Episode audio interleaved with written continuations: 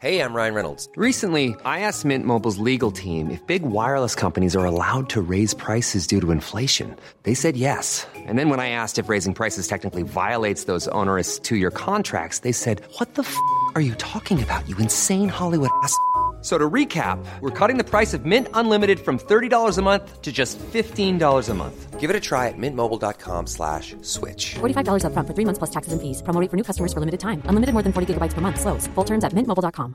Hiring for your small business? If you're not looking for professionals on LinkedIn, you're looking in the wrong place. That's like looking for your car keys in a fish tank. LinkedIn helps you hire professionals you can't find anywhere else, even those who aren't actively searching for a new job but might be open to the perfect role. In a given month, over 70% of LinkedIn users don't even visit other leading job sites. So start looking in the right place. With LinkedIn, you can hire professionals like a professional. Post your free job on linkedin.com slash people today. Hey there, it's Michelle Norris. I'm host of a podcast called Your Mama's Kitchen. When I travel, I'm usually looking for a way to find a taste of home when I'm not at home. And one of the things I love to do when I am at home is entertain. And Airbnb allows me to do that. When I was in California recently, I rented a house that had a great kitchen. And when we were sitting around the table, we're all thinking, we're in someone else's house. Someone could be in all of our homes as well. If you have a home, but you're not always at home, you have an Airbnb. Your home might be worth more than you think. Find out how much at airbnb.com/slash host.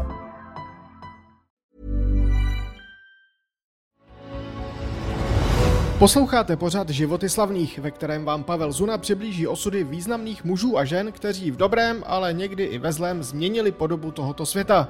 Pokud byste chtěli pořad sledovat v jeho videoformě, najdete ho na YouTube kanálu Životy slavných nebo na MOL TV. Nyní už vám ale přejeme příjemný poslech.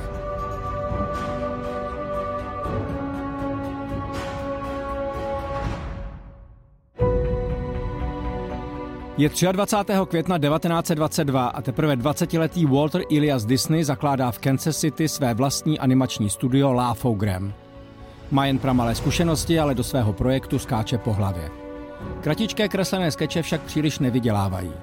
Disney tedy přichází s novým, na tu dobu velice odvážným projektem.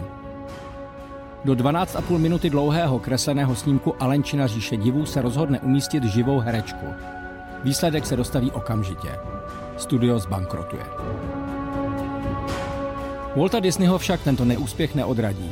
Místo zoufalství a zpytování svědomí si koupí lístek na vlak a odjíždí do rychle se rozvíjejícího Hollywoodu. Nic nedbá na to, že všechna významná animační studia sídlí v té době v New Yorku, na opačném pobřeží Spojených států.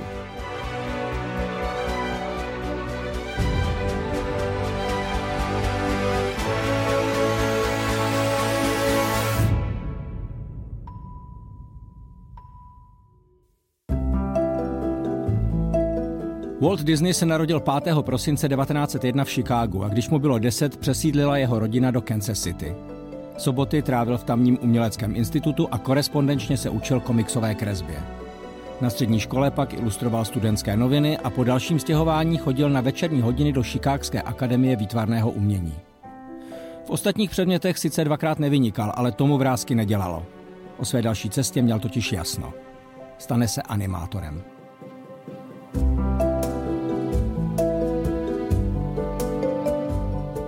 Následující dva roky vystřídal Disney několik pracovních pozic, co by reklamní kreslíř.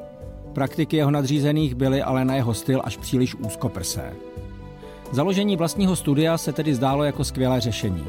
S velikou vizí ale přišly i dluhy a jeho láfou Graham zbankrotoval. Walt se proto rozhodl zkusit své štěstí v Hollywoodu, a to přesto, že kreslené seriály v té době nebyly považovány za plnohodnotnou kinematografii. I po předchozím podnikatelském neúspěchu si opět zakládá vlastní společnost, tentokrát se starším bratrem Royem. Vzniká tak Disney Brothers Studio, které brzy posílí noví zaměstnanci. Mezi nimi i jistá Lilian Bouncová, do které se Walt na první pohled zamiluje a o půl roku později si ji vezme za manželku.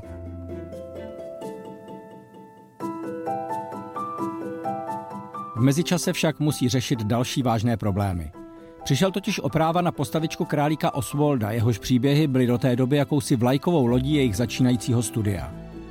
Oběma bratrům je jasné, že pokud nechtějí, aby i tento podnikatelský počin skončil fiaskem, musí za Oswalda rychle vymyslet náhradníka. Walt tak přichází s nápadem na postavičku nazvanou Mortimer Mouse. Jeho ženě Lily se to ale zdá příliš nafoukané a navrhne prostší, lidovější jméno. Tak se zrodí dnes už legendární Mickey Mouse.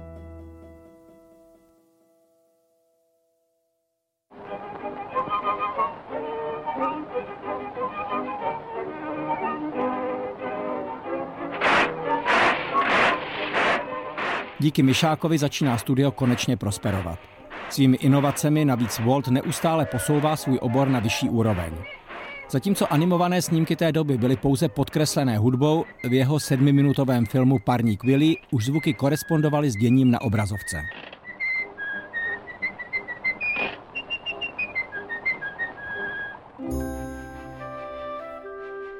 Příběh Květiny a stromy byl zase první epizodou série Silly Symphony, která byla vyvedená v barvách.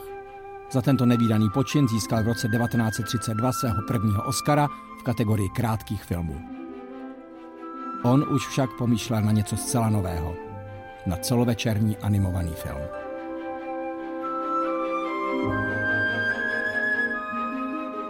Začínají tím čtyři úmorné roky, kdy 600 zaměstnanců studia pracuje na jediném projektu – pohádce Sněhurka a sedm trpaslíků.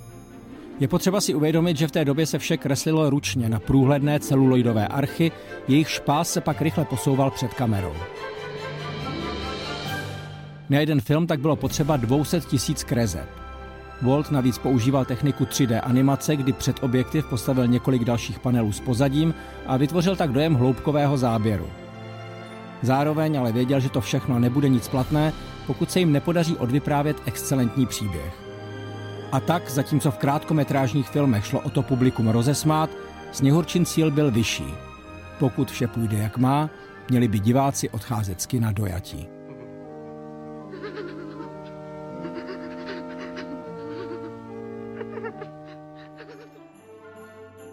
Snímek sklidil absolutní ovace. Hollywood však stále odmítal uznat animaci za plnohodnotný filmový žánr. Sněhurka tak nebyla na Oscara za nejlepší film ani nominována. Disney pouze dostal jako útěchu za zjevnou křivdu symbolickou cenu, složenou z jedné klasické a sedmi miniaturních sošek.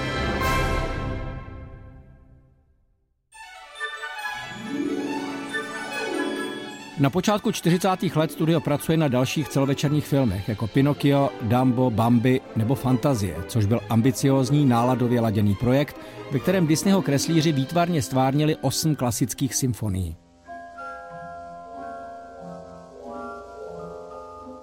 V té době se Disney stává opravdovou ikonou filmového průmyslu, současně ale začíná fušovat do politiky a při pozdějším křížovém tažení senátora McCarthyho proti skutečným i domělým komunistům upozorňuje na některé své zaměstnance, kteří prý pomáhají rozvracet Spojené státy a jejich základní hodnoty.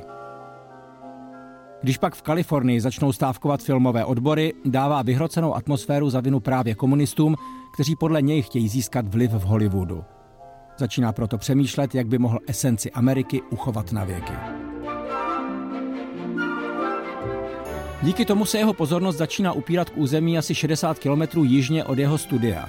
Tady u města Anaheim kupuje obří stavební parcelu. Chce na ní vybudovat unikátní zábavní park s čistým a upraveným areálem, jehož návštěvu by si užili i dospělí.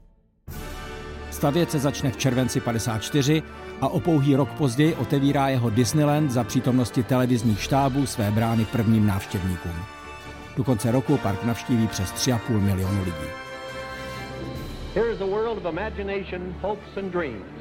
In this timeless land of enchantment, the age of chivalry, magic and make-believe are reborn and fairy tales come true.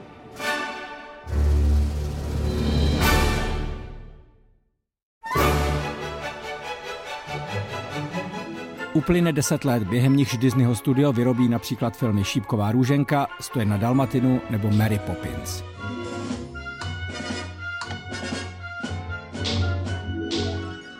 Jemu je už 64 let, do důchodu se ale zatím nechystá. Například chce na Floridě postavit další park, tentokrát nazvaný Disney World, jeho součástí má být i soběstačné městečko představující prototyp komunity v budoucnosti. Zkráceně se mu říká Epcot. It will be a community of tomorrow that will never be completed. but will always be introducing and testing and demonstrating new materials and new systems.